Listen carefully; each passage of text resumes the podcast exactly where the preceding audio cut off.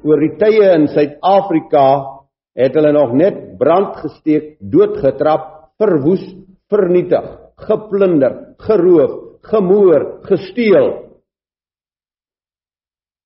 En omdat hy 'n lafaard is, val hy altyd dit wat aan wat swakker is as hy. Hoor ons die woorde van ons voorgeslag tot in die gesangeboek geskrywe, maar natuurlik daarom moes hulle die gesangeboeke alles verander, want in een van ons ou gesangeboeke het mos gestaan die swarte kring van barbare. Hoor ons ons digters oor die tyd wat dig van die barbare. Het hulle dit op skrif gestel wat hulle hoe hulle hom sien en wat hulle van hom dink. En die regdenkende blanke het hom nooit op enige gebied met die wesens van die aarde gemeng nie. Nooit. Op enige terrein nie. Die groot tragedie wat ingekom het in hierdie land en oor die wêreld was die groot gedryf wat ontstaan het in die 18de eeu met die sendinggenootskappe. Tuurlik Natuurlik het daar 'n ontploffing plaasgevind na die hervorming. En dit is om sendingwerk te doen. En toe het hulle heeltemal in verkeerde rigtings aangehardloop. Vanaand sit jy met 'n blanke heidendom oor die ganse wêreld en 'n sogenaamde gekerstende swart Afrika. Jy skud net jou kop daarvoor. Wat is die tragedie? Hoeveel sendinggenootskappe het jy beginne beweeg nie en soos ek altyd sê, wat het die sendinggenootskappe nou tereggebring in Suid-Afrika of in Afrika? Die Bybel is deur die maghebber agter wat ons agter die skerm nie sien nie, is die Bybel gebruik om Afrika te kolonialiseer. Sonder enige skoot het die Edomitiese mag van die aarde die blanke gebruik om Afrika in te trek. En vanaand sit die Edomiet van die suidpunt van Afrika tot bo in die noorde met al die bronne van hierdie aarde in sy beheer en in sy mag. En daarvoor is die Bybel gebruik. En dis die spel wat gespeel is. En vanaand sit ons met 'n opgewonde blanke volk hier en oor die wêreld. Hulle is so opgewonde as hulle tog net 'n kniebuiging kan maak voor 'n swarte, dan is sy plek in die ewigheid verseker. En die ontwikkeling het net gelei tot verbastering.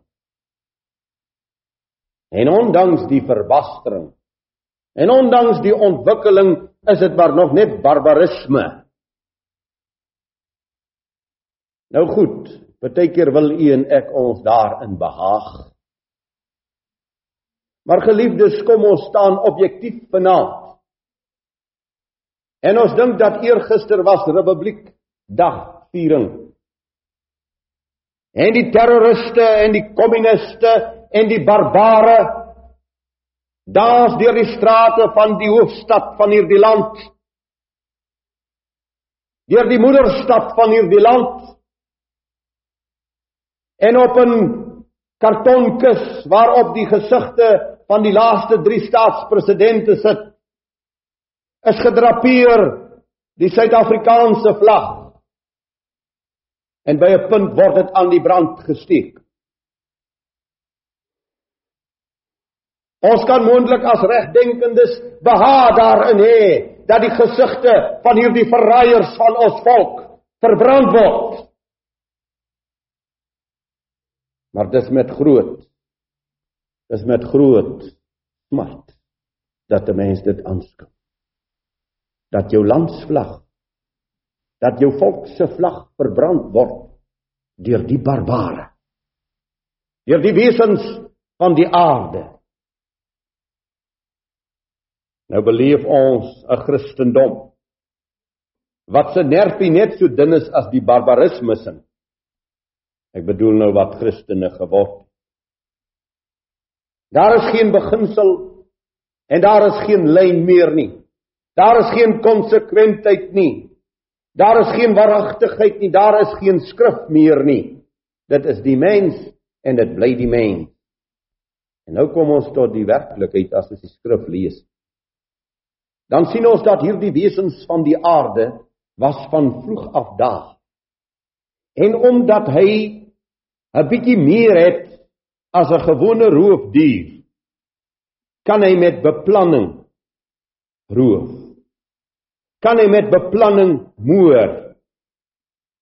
'n Leeu sal jou eenvoudig storm om te beskerm dit wat syne is, sy kleintjies.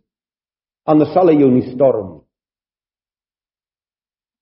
'n Roofdier sal jou net bestorm wanneer jy hom in die hoek gaan druk, anders sal hy vlug op die oop veld altyd vir jou. Maar hierdie wesens van die aarde beplan wanneer hy handel. En Jawe gebruik van baie vroeg af die wesens van die aarde as 'n strafroede vir sy volk. Geliefdes, dis tog nie moontlik. Dit is tog nie moontlik dat 'n gewone dier van die veld beplant kan optree nie dat hy doelbewus kan optree. Daar bestaan nie so ietsie. In die geskiedenis het dit nog nooit gebeur nie. In die verlede het dit nie gebeur nie en in die toekoms sal dit ook nooit gebeur. Dit kan nie gebeur. Vanaand ry u en ek ver in die land in. En Suid-Afrika as 'n uitsondering in die wêreld. Ry ons baie ver om nog roofdiere te sien. Jy gaan ry deur die Etosapanne, jy gaan ry deur die uh Krierwiltuin, En moontlik ry jy hele week daar rond sonder om enige roofdier te sien, behalwe gewone ou bokkies. En nou moet jy na die Bybel uit. En ek begin by Levitikus hoofstuk 26. Ek weet nie hoekom lyk dit vir my die tyd gaan so vinnig om.